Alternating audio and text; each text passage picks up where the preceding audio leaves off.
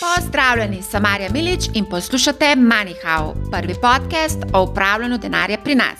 Danes je sončen četrtek, morda je danes pravi dan za nakup kakšne od delnic. Pravijo, da nas sonce spodbudi k optimizmu. Optimizem pa je nujen tudi za delovanje kapitalskega trga.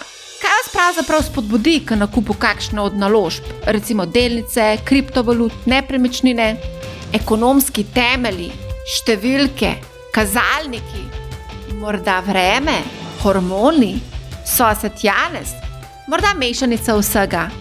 Skratka, po poslušanju te epizode boste na investiranje verjetno gledali malce drugače. Morda boste celo resno razmišljali o selitvi v sončne kraje ali pa morda celo o kakšnem hormonskem testu. Who knows?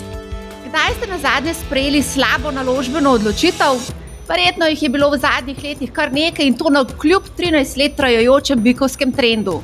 Priročno pa lahko za naše slabe naložbene odločitve okrivimo ne le smolo, pač pa tudi hormone, pa mogoče kak torek ali pa četrtek ali kak drug dan v tednu, ko smo sprejeli odločitev, pa seveda vreme, ki je itek dežurni krivec za vse.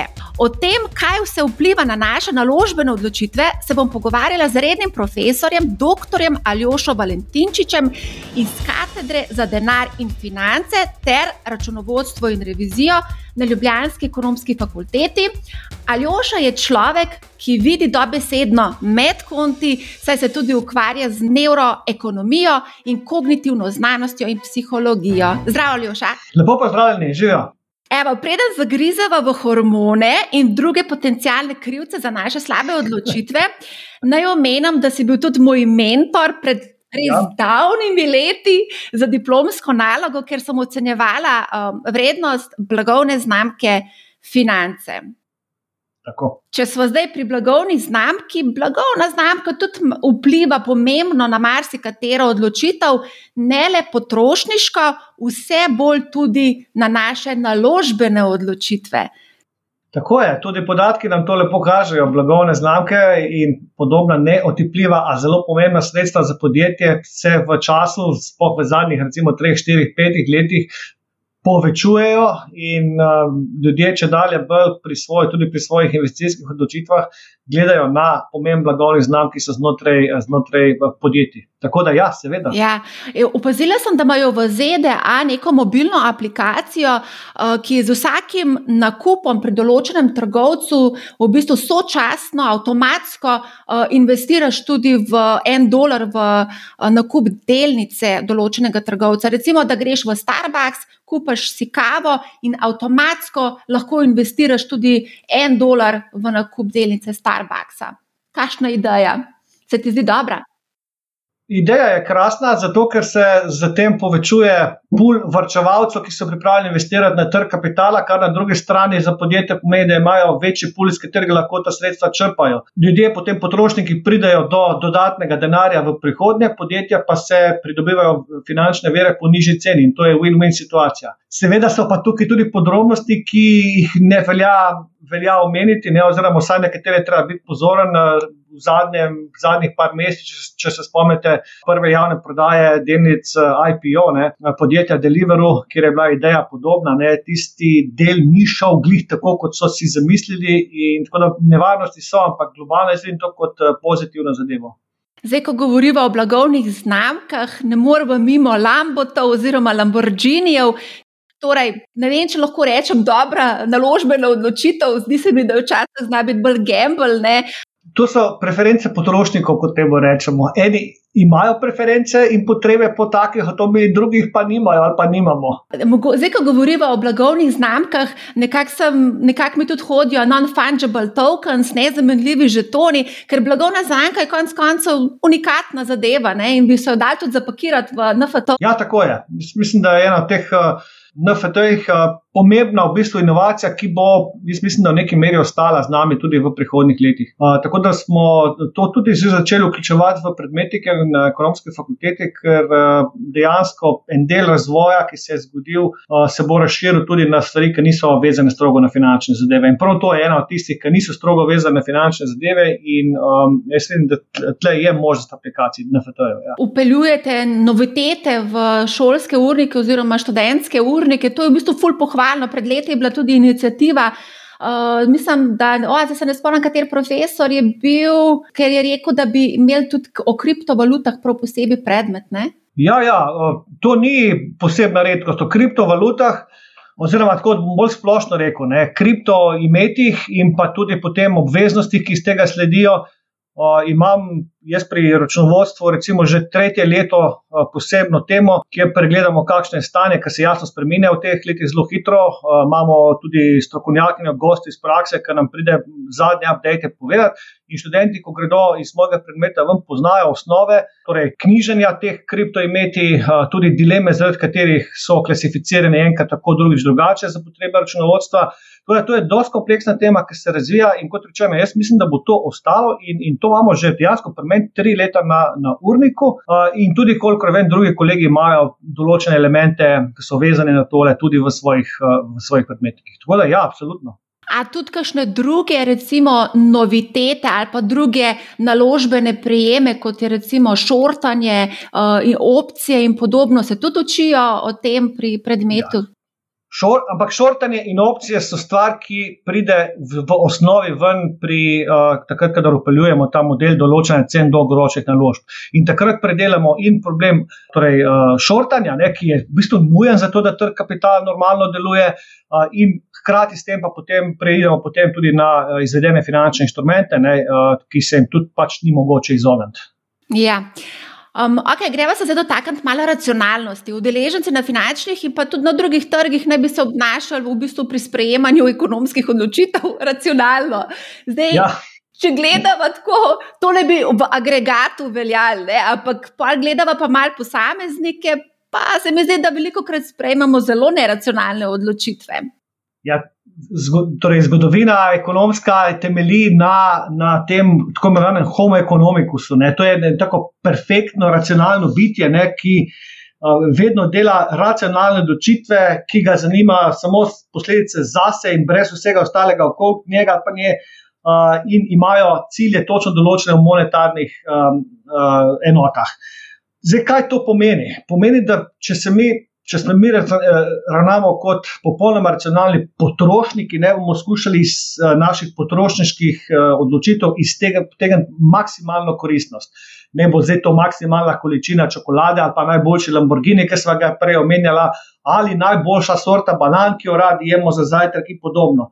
Uh, enako ravnajo tudi podjetja in druge organizacije. Ne, če je uh, monetarni torej, cilj tisti, ki je primarni in ravnajo pri tem racionalno, bodo skušali z vsako odločitev pač maksimirati njihov profit. Ne. To pa zdaj pomeni vse one tudi grde posledice od tega, da se potrošnik zaračuna visoke cene, pa do tega, da se vire surovine plačuje po najnižji možni ceni. To je izhodišče.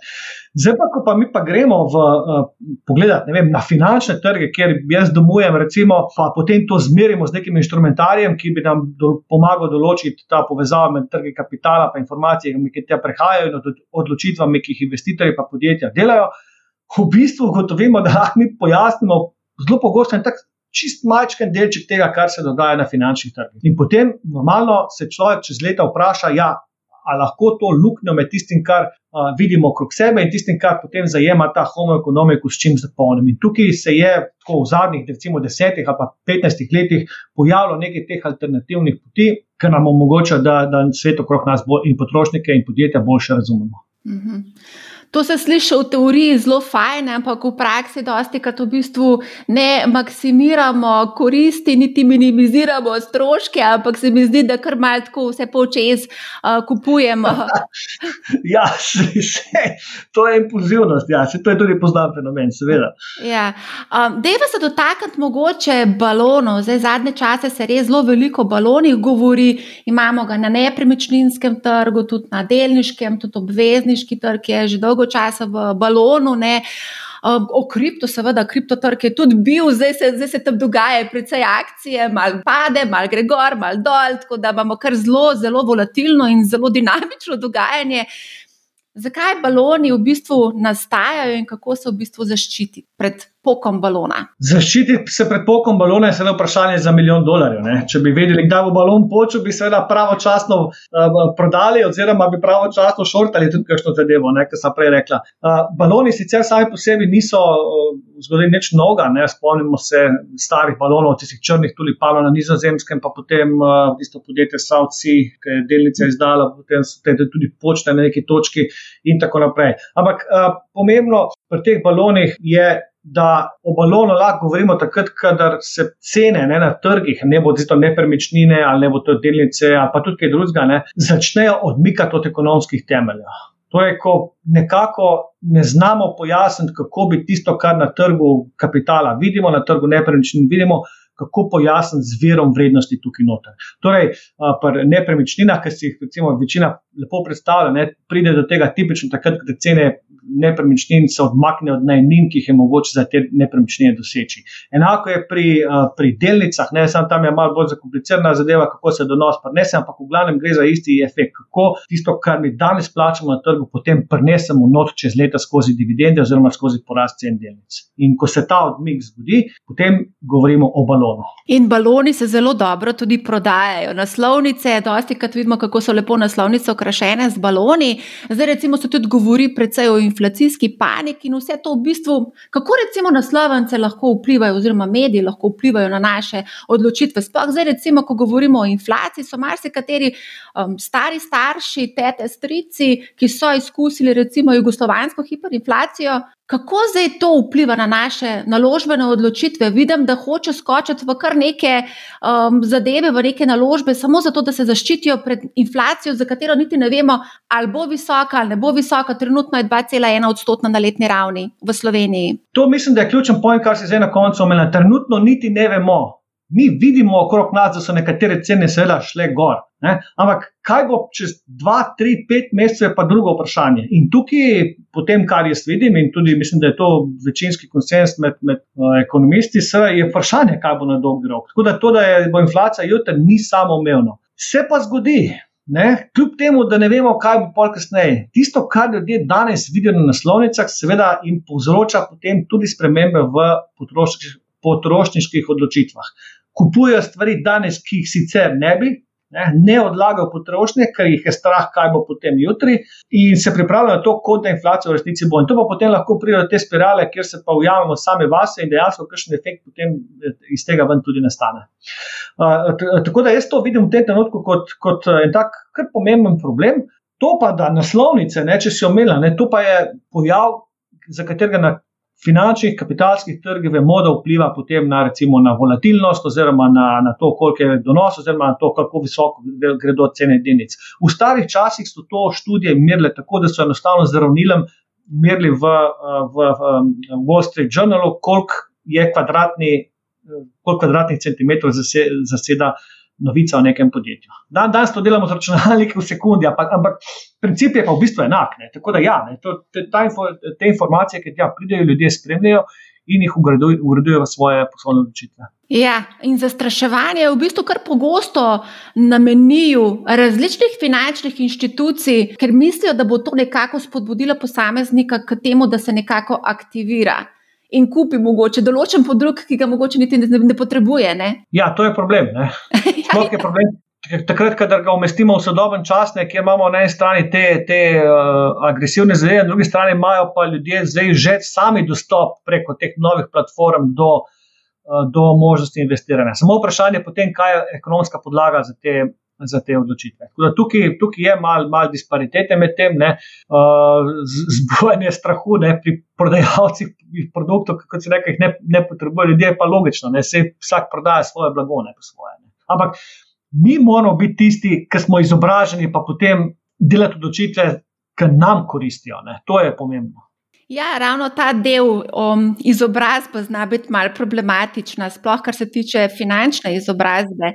Uh, vem, jaz imam stike z kar precej ljudmi, mladimi, starejšimi, kakorkoli, ne tudi najstniki, ki v bistvu pač tega znanja nimajo in oni se v bistvu nekako opirajo na te informacije, ki jih dobijo bodi si na raznih medijih ali pa tudi na forumih. Recimo, ja. Reddit, ne, Reddit, Bets, ja. ne, je eden tak legendarni in tam se v bistvu iščejo na sveti. Pa ne samo na Reddit forumih, tudi na raznih TikTokih, ne, tam je cel kup nekih finančnih nasvetov, ki so lahko v bistvu tudi konec koncev škodljivi in tega znanja v bistvu nimamo. V šoli se tega naučimo, tudi na ekonomski fakulteti se jaz nisem več učila o investiranju, če lahko dodam v tem trenutku je to vse, vseh predmetnikov. Ampak moram reči, da to, da tudi mene preseneča včasih uh, uh, raven, kako, oziroma zakaj ljudje sami ne poiščejo informacij, ki so relativno preproste. Ne? In uh, takrat, ko gledamo te sodobne oblike, kamor ljudje dajo denar, da ne bom rekel naložbe. Včasih je vprašanje, zakaj recimo ne pogledajo nekih ekonomskih temeljev, dveh, treh številk, ki bi opisali uh, situacijo na trgu dosti jasno in tudi njihov ekonomski okvir dosti jasno predstavlja. Tega dela ne razumem. Predmetniki sicer uh, imajo te, te elemente noter, zakaj ljudje ne delajo čisto racionalnih odločitev, tudi potem se navezuje na tisto, kar, sva, kar si v vodniku rekel, in spravi na hormone, pa zlasti na te kognitivne procese, ki jih ljudje delajo. Tako da to je do neke mere mogoče razumeti, ampak vidim pa, da je in pomankanje znanja, in predvsem to, da se ljudje ne usedejo in pogledajo, kaj je, kaj je v zadnjih teh odločitev dejansko lahko problem. Ja, to je stvar prioritet. Če imaš boš namenil svoj dragocen čas, ne, ali boš namenil študiranju določenih ekonomskih temeljev, ali pa boš namenil, ne vem, recimo rekreaciji. Ja, Poglejmo v sodobnem času, kako gre. Ne? Ljudje bodo prebirali ure in ure in ure Reddit, recimo, ne? pa poslušali vse mogoče stvari, ki se tiče recimo kriptovalut, ne? ne bodo pa šli pa pogledali čak malo. Kakšne pa so številke na trgih kapitala? Se pa ti številke tudi nekaj povedo o tem, kaj se je zgodilo v prihodnosti in kaj lahko pričakuješ na podlagi tega v, v prihodnje. In tega elementa ni, ne. to me, me tako muči, no, prav muči me. Ja, ampak zakaj te muči? Se to je v bistvu nekako folklora naša, uh, konc koncev nas vedno zanima, kaj sosed Janes počne in kako on investira in zakaj gre on lahko na dopust, pa mi ne. ne?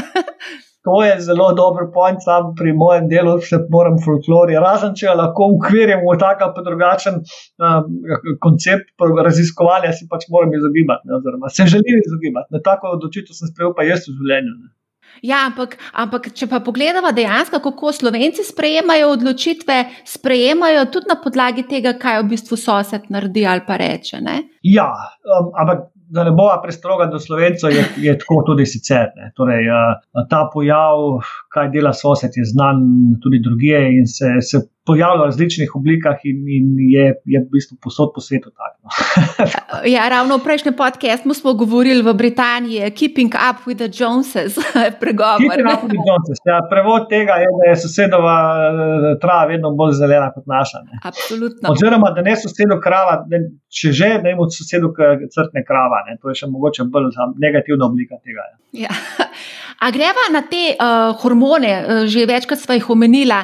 Zdaj, nek finančnik mi je zadnja leta dosti krat omenjal, ko so se dogajali razni ekscesi na teh uh, trgih, bodi si kripto ali pa kapitalskih trgih, da govorimo o testosteronskem ciklu. Zdaj, ne vem, ali to obstaja dejansko definicija, ampak recimo to je njegova definicija. Uh, kako bi komentiral to? Ja, Zgodba o hormonih je en del tistega, kar uh, proučuje neuroekonomija, ko skušate to luknjo, o kateri sem pregovorila med, med kapitalskimi trgi, pa, pa tistim, kar potem pride ven v formulah, zapolniti. In zdaj, uh, hormoni so ena od teh pojavnih kanalov, ne, kako proučujemo mi to, to obnašanje ljudi na finančnih trgih. Ne, in uh, testosteronski kanal je eden od tistih, po katerem ne bi ljudje, ki imajo več testosterona, ne, v naravi bili bolj agresivni, si bili sposobni pridobiti več hrane, si bili sposobni pridobiti oziroma prenesti gene v, na prihodnjo generacijo, ne preko parjenja. In tako tudi v situaciji, ko nastopajo na finančnih trgih, bili bolj agresivni. In zdaj to bolj agresivne finančne trge pa mi lahko izmerimo. Ne, lahko vidimo, kakšne portfelje ljudje sestavljajo po naložbenih razredih, lahko vidimo, kaj počnejo znotraj teh uh, naložbenih razredov, lahko vidimo, kako hitro se, se odločajo, lahko vidimo, kakšne variabilnosti vnosov, ki jih s tem naredijo, in tako naprej. To je en kanal, ne, uh, testosteronski. Zdaj moram reči tole, ne, cikl gor, cikl dol. Mi, kadar to opazujemo, vedno standardiziramo. In idealno pravimo standardizirati na posameznika, pa na življenjski cikl in tako naprej. Ne.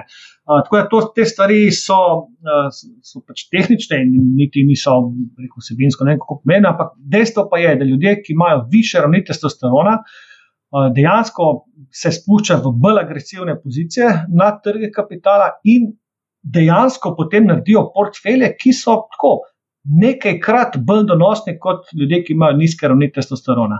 To je ena taka študija, ki je to pokazala, nastala leta 2015 na londonski borzi, potem se je to uh, dopolnilo z način, da so dejansko traderjem dajali hormone ne, in merili, kaj se po zgodi. Ne.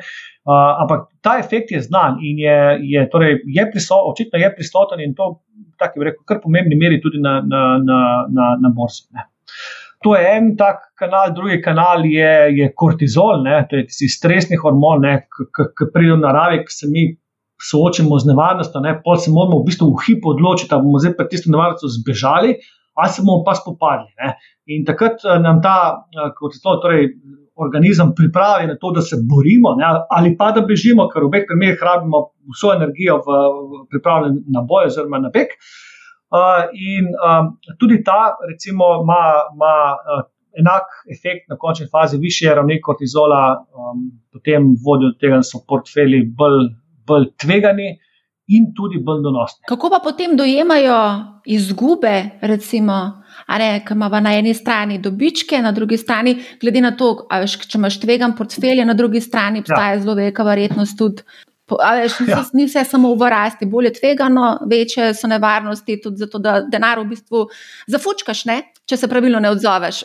Tako in tukaj, tukaj tudi ne vemo, da človekovi možgani ne, tukaj pa tudi drugače dojemajo te uh, dobičke in izgube. Torej, če bi šla, recimo, ti po cesti, ne, pa bi našla banko za 50 evrov, ne, bi bila seveda zadovoljna, ne, v tebi bi to sprožilo zadovoljstvo, v smislu, kot smo prej rekli, maksimiranje pričakovanja potem koristnosti ven iz teh 50 evrov. In definitivno bi bila zadovoljna. Če bi šla po cesti, pa bi izgubila 50 evrov. Ne, to se pravi, da je 50 evrov na slabšem, biti pa ta izguba teh 50 evrov povzročila neprimerno višjo bolečino kot tistih 50 evrov plusa, ki bi jih dobila takrat na, na, na cesti v, um, po tleh.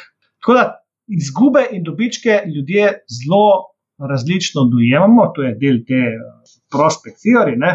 V osnovi uh, tudi ta del je na finančnih trgih prisoten in, um, in merljiv, ne, in je problem, ne, ki ga pa spet formula, kot sem rekel, prej racionalno ne zajame. Um, ampak zdaj te testosteroni, pa razni povišani kortizoli in podobno, to vpliva tudi na naše zdravje, konec koncev. Povišan kortizol, recimo, pač pomembno vpliva tudi na debelost in nalaganje maščabe okrog uh, trebuha, ne, potem ne vem, povzroča težave s spanjem ne, in v bistvu posledično, ja, no, to vse vpliva vpliva.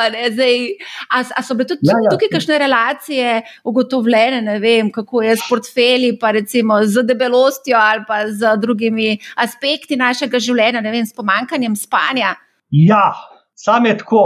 V našem svetu Uh, recimo, seveda, mi recimo rečemo, da slabo spim, pa bom zato delal slabše odločitve. Ne? Zdaj pa to zmeriti, pa predstaviti v uh, številke in to predvsem verificirati, da način slabo spanje bo vodilo v slabe odločitve, tukaj imamo težave. Tako da veliko teh različnih študij je takih, ki so po naravi korelacije, ne povezave, ne pa vzročno-posledične uh, aktivnosti. Tako da teh korelacij je zelo veliko in zelo veliko od njih žal nima te ozadje razlage, da če bom povečal količino spanja, bom delal boljše odločitve. Zato je bilo, če se lahko vrnem samo sekundico nazaj pri teh uh, hormonih, ne, dejansko opaziti to, da ljudje, ki imajo več uh, testosterona, pa več kortizola, delajo bolj tvegane odločitve. Eh, en korak, ampak predvsej pomembnejši korak je pa tam, ker so pa ljudem dejansko dajali hormone, počakali, da se jih hormone absorbirajo in potem jih spustili na realni trg kapitala in gledali, kaj dejansko tam delajo. To je tista zadeva, ki nam, nam manjka. Drugač teh povezav med, med recimo telesno višino, pa med življenjskim slogom, ne alkohol, kajenje. Pa med, uh, med obrazni potezmi. Tega je zelo veliko, ampak zelo veliko teh študij je korelacijskih in tukaj več kot zanimivo, žal ni, ne? tako da nimamo kakšnih uh, ekstra, ekstra teh povezav. No. Ja, kaj pa glede uh, na spol, zdaj ženske načeloma so zelo redke v finančnem svetu oziroma na kapitalskih trgih, če že so recimo upravljalke premoženja, vas rečemo, ukvarjajo z fixed income, medtem ko moški se mi zdi, pa, da so, to je zdaj tako moje opažanje, so pa bolj na equity-ju. Določeni vidiki tega eh, razlike med spoloma v financah so merljivi tudi na trgu kapitala. Uh, med seboj je prvo kolumno na to temo napisal za, za finance in um, pogledal in tudi sicer, v, v, kadar učim, ne probam dati noter te vidike, vsake toliko, ki pojasnim. Torej, že zelo dolgo mi vemo, da ženske so pri finančnih odločitvah bolj preudarne. In na recimo računovodskem področju smo opazili, da, da podjetja, ki jih vodijo ženske, delajo bolj konzervativne odločitve v finančnem smislu in tudi bolj konzervativne odločitve pri finančnem poročanju, in potem so take firme generalno bolj konzervativne kot kakšne druge. Tisto, kar se je pol čez leta pokazalo, in, in sem to pred kratkim tudi um, eno diskusijo na tom temu imel, je, da ta fixed income, ki si rekel. Ne, to bi sledilo, da, da se žensko v bistvu en korak nazaj umakne, ampak ni tako. Uh, iz iz uh, korporativnega sveta vemo, da so ženske uh, naredijo tudi tvegane odločitve. Recimo se zadolžijo takrat, ker je to za investicije smiselno, samo da so pri teh odločitvah bolj prodane kot moški. In, in škoda je, ne, da se te pozitivne lastnosti ne, ne bolj pogosto uporabljajo. Tako da jaz mislim, da ta. Razlika med spoloma, nekaj se kaže v tem plačnem diferencialu med moškimi in ženskami, to je resen ekonomski problem, s katerim pač moramo več delati, kot smo do zdaj delali v preteklosti. Ker od tega bomo imeli, bodo imeli koristi. Torej Posamezniki, ne, ženske zlasti, ampak tudi družba kot celota. Mene pa v bistvu tudi fascinantno, tako ko gledam strukturo poslušalcev v Mani Hava, so večinoma moški. Ne, ne vem, zakaj ženske recimo, niso bolj zainteresirane za investiranje, glede na to, da so preudarne in glede na to, da vsi vemo, da bo naša pokojnina v bistvu zelo nizka. Se pravi, bi mogli v bistvu neka, nekaj narediti, ukreniti, zato da se nekako na jesen življenja, da bodo lepo živele ženske. Ne? Zakaj pa recimo jim ne potegne ta korelacija? Ne? To me nekoliko preseneča, ker um, je ena študija, ki kaže, da mislim med drugim. Ne, To, da ženske, v bistvu, kadar si sestavljajo svoje portfelje, so bolj pripravljene prisluhniti na svetom profesionalcev. Torej, finančnih analitikov, ne, um, recimo upravljalcev skladov in podobno. Tako da iz tega bi verjetno sledilo, da bi ravno ženske mogle bolj iskati te informacije kot moški. Ne, ker moški na drugi strani imajo ta. Princip, ne, ah, se jaz vse vem, ne, pa bom že sam naredil. In, in ta, ta razkorak je tisti, ki je, je pomemben. Tako da me, me preseneča ta podatek. Vsekakor pa, eh, če je to tako, potem definitivno moramo nekaj narediti na tem, da se, da se ta uh, struktura poslušalcev spremeni, ker, ker to potem, kot se reče, na star leta bo problem. A gremo mogoče še malo na te tipe osebnosti. Pred leti sem želela ugotoviti, kakšni so naši upravljalci premoženja, kakšne osebnosti imajo. In sem se povezala s psihologi in smo nekako z anketo ugotavljali, ali so koleriki, melanholiki, sangviniki ali flegmatiki. Zdaj, naša končna ugotovitev je bila, da so slovenski upravljalci premoženja mešanca med flegmatičnimi koleriki, nekaj je bilo pa tudi melanholikov med njimi.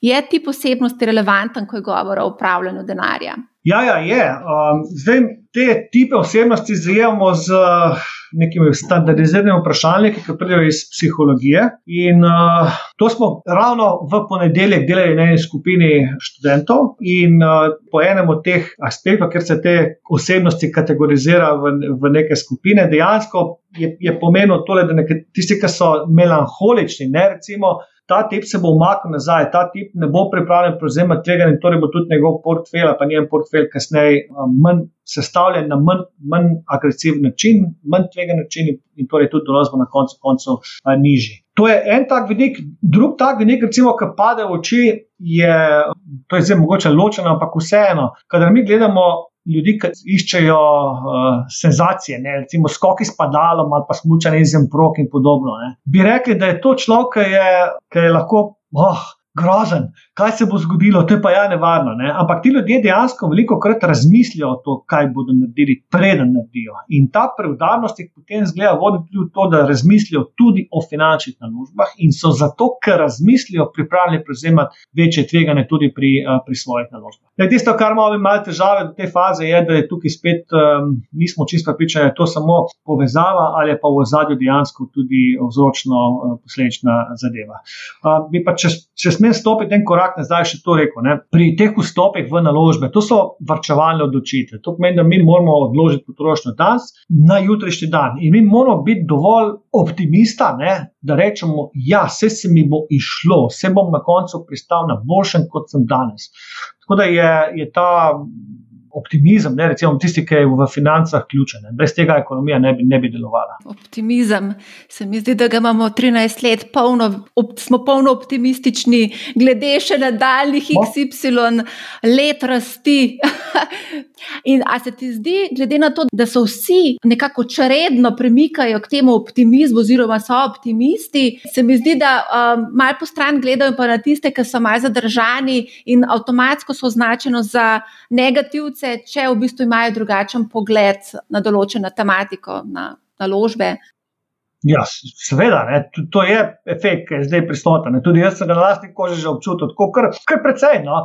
Ker sem bolj konzervativne sorte, kar se tega tiče, ampak eh, na koncu koncev, te, kaj drugi mislijo o teh odločitvah, ne bi smela imeti um, pomena. Ne. Mi delamo odločitve zase, mi moramo s tem uh, živeti. In ampak tukaj se vrnemo na ono, kar sem prej rekla. Posameznik bi mogel znati biti na podlagi nekih ekonomskih številk, presoditi, v katero skupino vsodi in potem na podlagi teh argumentov se odločiti, kam bo dal denar. Ne, ne na podlagi unga, kar je mora biti pritisk soseda, ah, jaz sem kupil to, pa to, de pa še ti. To, to ni ok. Ja, ampak ravno zdaj vidimo, da retail investorji vstopajo po 13 letih rasti na borzi so se oni spomnili, da mogoče pa zdaj pravi čas, da jaz dam nekaj denarja uh, v naložbe. To smo tudi že videli leta 2006-2007, ko so masovno vlagali v balkanske delnice, sklade in takrat se je potem zgodba mal drugače uh, izšla in še danes nekateri obujajo spomine na tiste čase, kakšen natek je borza, kakšen natek so skladi. Ja, žal, ne, to potem postaje dolgoročni spomin na ljudeh in to, to ni dobro. Ne, ni dobro ne za ljudi, ker ne varčujejo, in potem vidimo ta efekt na banki, ker imamo Slovenci rekordno število depo, količino depozitov na banki. Uh, niti ni dobro za podjetja, ne? ker seveda imajo manj verov financiranja, kot, kot bi sicer imela.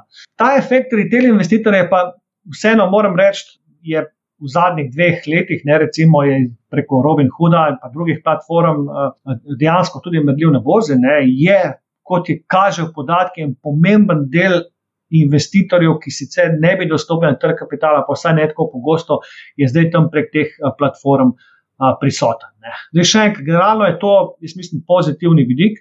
To, da imajo ljudje možnost dostopa do trga kapitala neposredno, je dobro. Ne. Tisto, kar je bilo pa prej, ne, pa In zaradi česa mislim, da je to tudi dolgoročna sprememba. Je pa, da enostavno nekatere elementi strukture tega kapitalskega trga so, so zastareli, so bili zastareli. Če pogledate, kako je bilo včasih, oziroma še vedno, ne pri klasičnih, uh, struktura teh fijev, oziroma provizij, ki jih moramo plačevati, je še nekaj res.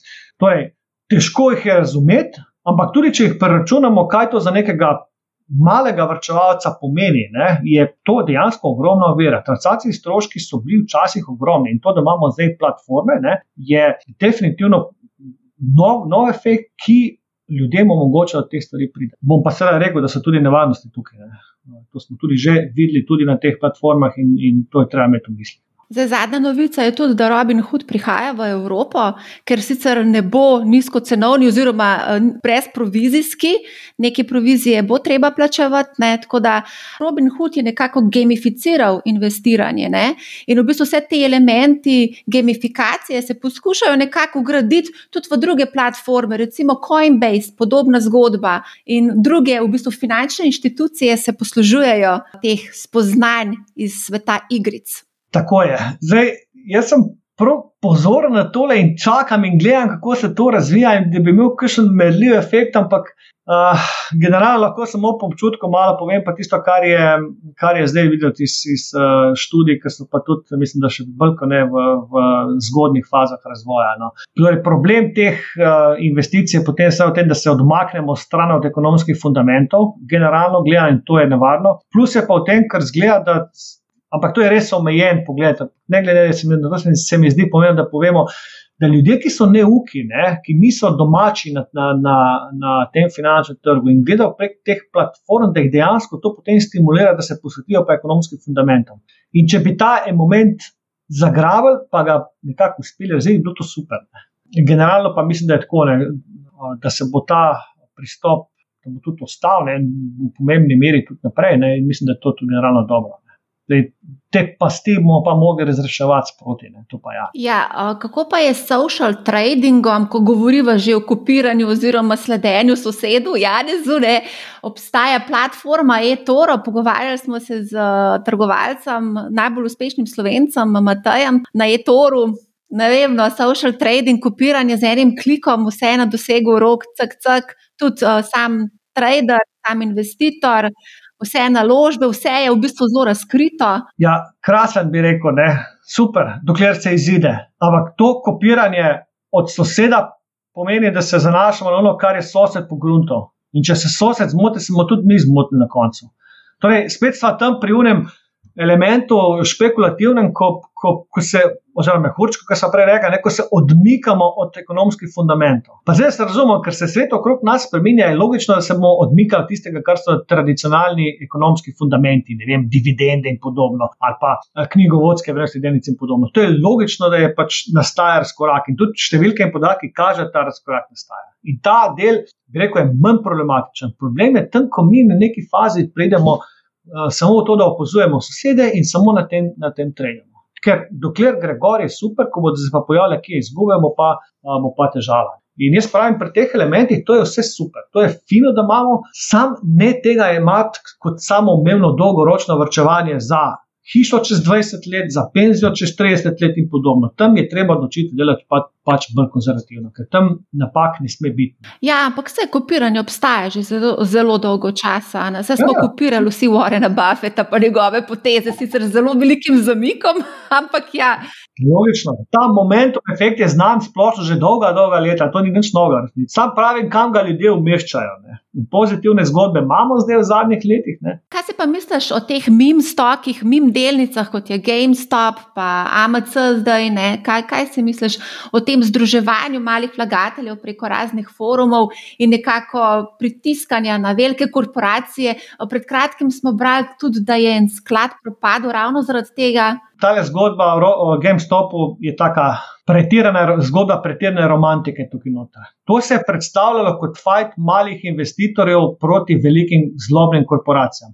Ampak, a se spomnimo mi, da kdo je tisti človek, ki je ta tole zadevo začel? Kaj je bil on po poklicu? Finančni analitik je bil po poklicu. Jaz ne verjamem, da je on bil romantičen, pa rekel, zdaj se bom pa kar enostavno fajto z velikimi korporacijami razen če je to del kakšnega drugega poslovnega modela. In uh, tole fajtanje na tak način, ne vem, jaz tukaj le noter, upam, da je bilo to enkratna zadeva, uh, to ne, nikako ne zmanjšuje tega, da imajo investitorji uh, dostop do različnih oblik, to je super, če imajo. Ampak ta zgodba mi dejansko ni bila všeč. Ja, zdaj bo marsikdo rekel, mlad vlagatelj, kakšen boomer si ali oša. Točno to, seveda. Ali pa kaj še dosti krat uporabljajo, have fun staying poor. Ne, se, uh, uh, ko sem uh, kolumno za finance napisal o Bitcoinu, ne, ker sem sam želel, da me razmislijo. Dejansko, še enkrat povedal, jaz nisem proti temu, sploh ne, ker če ne, ne bi te ugrajeval v svoje predmetnike že leta in vse ostalo. Ampak je treba imeti premislek tukaj noter. No, in, in čim to, že sam tole, da opozoriš, ne se potem usuje plast. In, um, ne, če na LinkedIn bi gledali komentarje, ki sem jih dobival tiste dni, bilo je kratko malo. Hardno za bratno. No, te komentarje smo vsi dobivali, zaradi tega, ker ne vem, jaz sem tudi imela kar nekaj že dogodkov, povezano na kriptovalute in sem tudi sama bila deležna raznih takih zelo sočnih komentarjev, ampak pač take življenje. Na zelo so agresivni pri zastopanju svojega stališča. Mogoče ima tudi to vezo s testosteronom in pa tem črednostjo. Ja. no, prej si omenil v bistvu manipulacije. Tudi Elon Musk, konc koncev, predvsem manipulira, uh, ne samo z kapitalskim trgom, klasičnim, ampak tudi s kriptom. Ne, ne moj pa dovoljeno in vse oproščeno, očitno, kot influencer, očitno. Zdaj, je, ta fenomen Elona Muska, tudi imam ga že leta na, vseh, na različnih prostornicah, v različnih kontekstih, Tako da spremljam vse, kar dela. Spremljam, recimo, od takrat, ko je hotel Tesla odkupiti, ne? pa je pol na blog napisal, pa je pol delnica poletela, pa se je pol izkazalo, da ni nič nazad, ne? da nima denarja za kitazga. Ne? Do tega, ko je dal v opis na Twitterju Bitcoin, ne? pa do komentarjev na Dogecoin in tako naprej. Tako da to zelo različne vidike pokriva.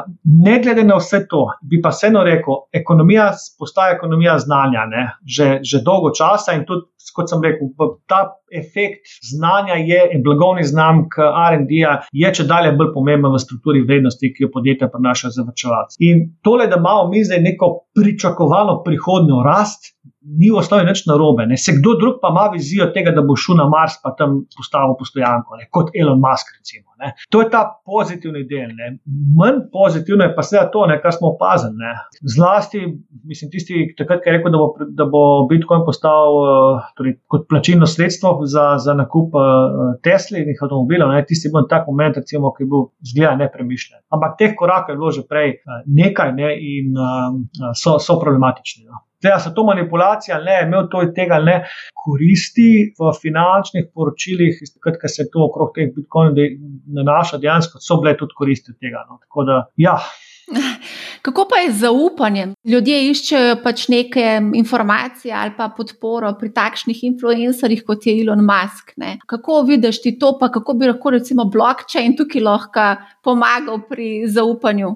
A ni zdaj ta cela zgodba o tem, da imamo mi od različnih centralnih oblasti in tudi influencerjev neodvisen alternativni finančni sistem. Tako da tisto, kar mene v, v, v tem času izrazito moti, je, zakaj polko recimo. Pride en Elon Musk, pa nekaj napiše, se potem cena dramatično teh imeti spremeni. Ne? Zakaj polk, da recimo Kitajska centralna banka uh, napove, da pač ne smejo banke upravljati transakcij z, z Bitcoin, oziroma nujnih storitev, ki so na tem zasnovane, zakaj se potem tale alternativni sistem tako strašno odzove. Če bi bil resnično neodvisen od vsega tega, mi ne bi smeli zaznati nobenih sprememb po resnici pri takih izjavah. In to me moči tukaj noter. Tako da očitno ljudje še vedno rabimo centralno avtoriteto in uh, to, da bodo te centralne banke oziroma centralne avtoritete izdale kripto, kripto imetja, ne, torej ne kripto v klasičnem smislu, ampak pač digitalne oblike obstoječih valut, potem to je taka inovacija, ki recimo očitno ljudje si jo želijo. Ampak ta centralni moment je tisti, ki pa kot sem rekel. Očitno ga ljudje še vedno rabimo. Ne. Zdaj, na kateri meri bomo te tehnologije porabili, zato da se bomo znebili tega, je, je vprašanje. Verjetno pa tudi, eh, če imamo nek tak nadzor, ne, potem tudi verjetno se nekako izognemo, lahko čeprav dvomim, da se lahko izognemo. Vse prevare so bile že od nekdaj, centralna ja, ja. banka ali pa ne banka, se vse ne prevare so z nami tukaj zdaj in zdi se, da so. Mislim, jaz sem zadnjič gledala prek YouTuba v živo, prevaro, v živo sem spremljala, kako so v bistvu ljudje nakazovali svoje kojne uh, nekemu prevarantu in kako so v bistvu zlorabili tako v bistvu samega Ilona Maska, kot v bistvu samo oddajo Saturday Night Live, vse živo so zlorabili. Ja, ja. Ja, smo prišli na neko novo, neko novo stopničko, eh, kako prevare danes potekajo. Tudi prevaranti se ne skrivajo eh, več eh, za nekimi psevdonimi, to so za izimeni in priimki, povsod lepo razgaljeni. To je fenomen, ki ga dejansko ne razumem, zakaj ljudje to počnejo. Kot se reče, to ni anonimno, marsikdaj. Marsikdaj je na čisto odprtem. Tega dela ne razumem. Zakaj se to zgodi. Razumem, da so ljudje pohlepni, ampak če so pohlepni in nekam investirajo, je to ena zadeva. Zakaj se pa na nekaterih teh prevarah ljudem enostavno zamegli razum, kako bi temu rekli, je, je, pa, je pa nerazložljivo meni. Jaz kot, dobro, to je handicap tukaj, ne, uh, kot ekonomist dejansko si ne znam predstavljati, zakaj ljudje na take prevare ne sedijo, ker ne vem, kaj je koristnost, ki bi jo tukaj lahko dobili. Je, kako pa tukaj odgovarja, recimo, kognitivna znanost ali pa neuroekonomija, konc koncev? So kakšne raziskave bile narejene na tem zakaj področju? Zakaj so ljudje preveč pohlepni? Ja, zakaj se pustimo tako z lahkoto na tega? ne, ampak bom to proučil, bom pogledal, kaj je na tem, kar dejansko pa narediva enkrat nekoč morda temu pogovoru na to temo, ker dejansko tukaj noter je, se sprašujem, zakaj je to tako. No. Ampak vedno znova se pustijo na tega. Se pravi, bili so že v eni prevari in potem kar verižno hodijo od prevare do prevare in zgubljajo ja. res veliko denarja. To je meni fascinantno. To je tudi dejansko fascinantno. Zdaj, to mora biti neka kompulzivna motnja, ne očitno na nek način, da te sili v to, da greš v, v te naložbe, zelo da je koristnost v obliki uh, senzacij, ki jih v tem doživiš, toliko večja od monetarnih ostalih zadev. To je, jaz bi rekel, vseeno malo preveč preenostavna razlaga in uh, mehanizme najdi tukaj je. je problem. Prej smo tudi omenili, da vreme vpliva na naše naložbene odločitve, oziroma dan v tednu, verjetno še kaj. Itak je vreme skozi na jezikih slovencev. Da, ja. Kako lahko to vpliva na naše naložbene odločitve? Mislim, zdaj po domače vloga vremena je tako, kot sami pri sebi mislimo. Ne? Če imamo zelo meglo, pa mrz, pa imamo malo kapljane, pa smo malo sitni. Ne? In uh, se teže izvlečemo iz posla, in teže se izvlečemo v službo, in tako naprej. Uh, če je sonce, ne, smo bolj, bolj poskočni, gledamo z večjim optimizmom naprej. Ne, in generalno ne, je tako, da, da te vremenske variacije vplivajo preko tega, kar mi vidimo naprej. Torej, če je oblačno, smo manj optimisti, ne? če je dež, smo manj optimisti, če pa sonce, smo bolj, bolj optimisti. In to potem vpliva na naše poslovne odločitve. In, in tiste, ki so, kjer smo večji optimisti, tam dejansko naredimo lahko tudi bolj, bolj uh, dolgoročne odločitve, ker smo optimisti, da se bo dobro šlo, sprejmemo kakšen del naložb v bolj tvegane oblike, ki jih sicer mora biti ne bi in podobno. Obratno velja takrat, ko je slabo vreme. Takrat smo bolj sami vase uh, zaprti ne, in mislimo manj daleč naprej, tako da potem so tudi naše naložbe temu, temu ustrezne. Tisto, kar je mogoče zanimivo, torej ta efekt vremenski je, je znan. Spet imamo težavo pojasniti konkreten mehanizem, ampak dejansko mehanizem je, torej, pojav je znan že, že dolga leta. Tisto, kar je mene mogoče malo preseneča, je, da se je na študiju objavila nekaj let nazaj in to v zelo dobri, zelo kakovostni reviji in tudi je narejena zelo tako v detalje, je, da, da predtem niso imuni niti najbolj izo, izobraženi, najbolj izkušeni udeleženci trga kapitala. In to so finančni analitiki. Torej, vreme vpliva tudi na to, kako pogosto izdelujejo te njihove napovedi za, za finance za naprej. Vreme vpliva na to, kakšno priporočilo bodo dali potem strankam kupiti, držati, prodaj, vpliva na to, kako visoke dobičke bodo napovedali za prihodnje in tako naprej. In tako naprej. Skratka, cel kupenih teh metrik je, po katerih so se dejansko pokazali ta vremenski efekt na teh ljudeh. In še nekaj mi je ostalo v spominu, analitiki so po celem svetu, ne? to mi vidimo potem agregat na Bloombergu, recimo. Ne?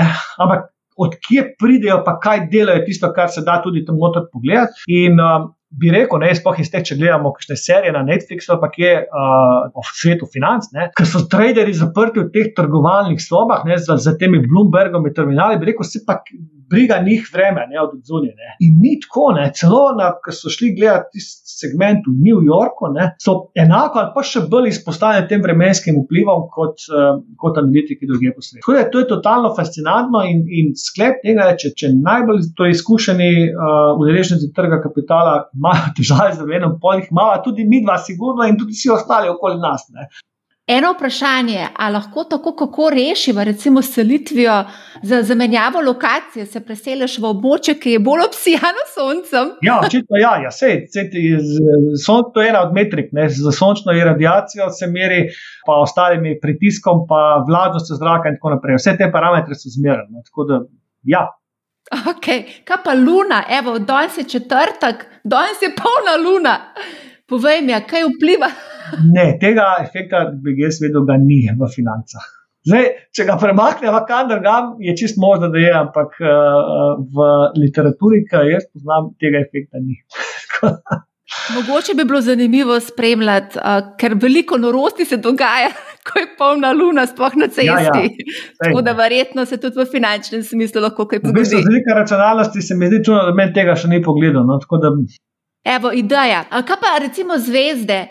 Zdaj vem, da nekateri sprejemajo finančne in poslovne odločitve glede na zvezde. Menda, da celo velike investicijske banke imajo astrologe ali numerologe zaposlene v svojih firmah. Vem tudi, poznam tudi kar nekaj primerov ljudi, ki so kupali oziroma sprejemali odločitev vezano na numerologijo glede nakupa stanovanja, pa tudi nekateri slovenski podjetniki, podjetnice sprejemajo poslovne odločitve, recimo nakup ali prodaja podjetja, vezano prav na zvezde. Še kaj komentiral to? Ne.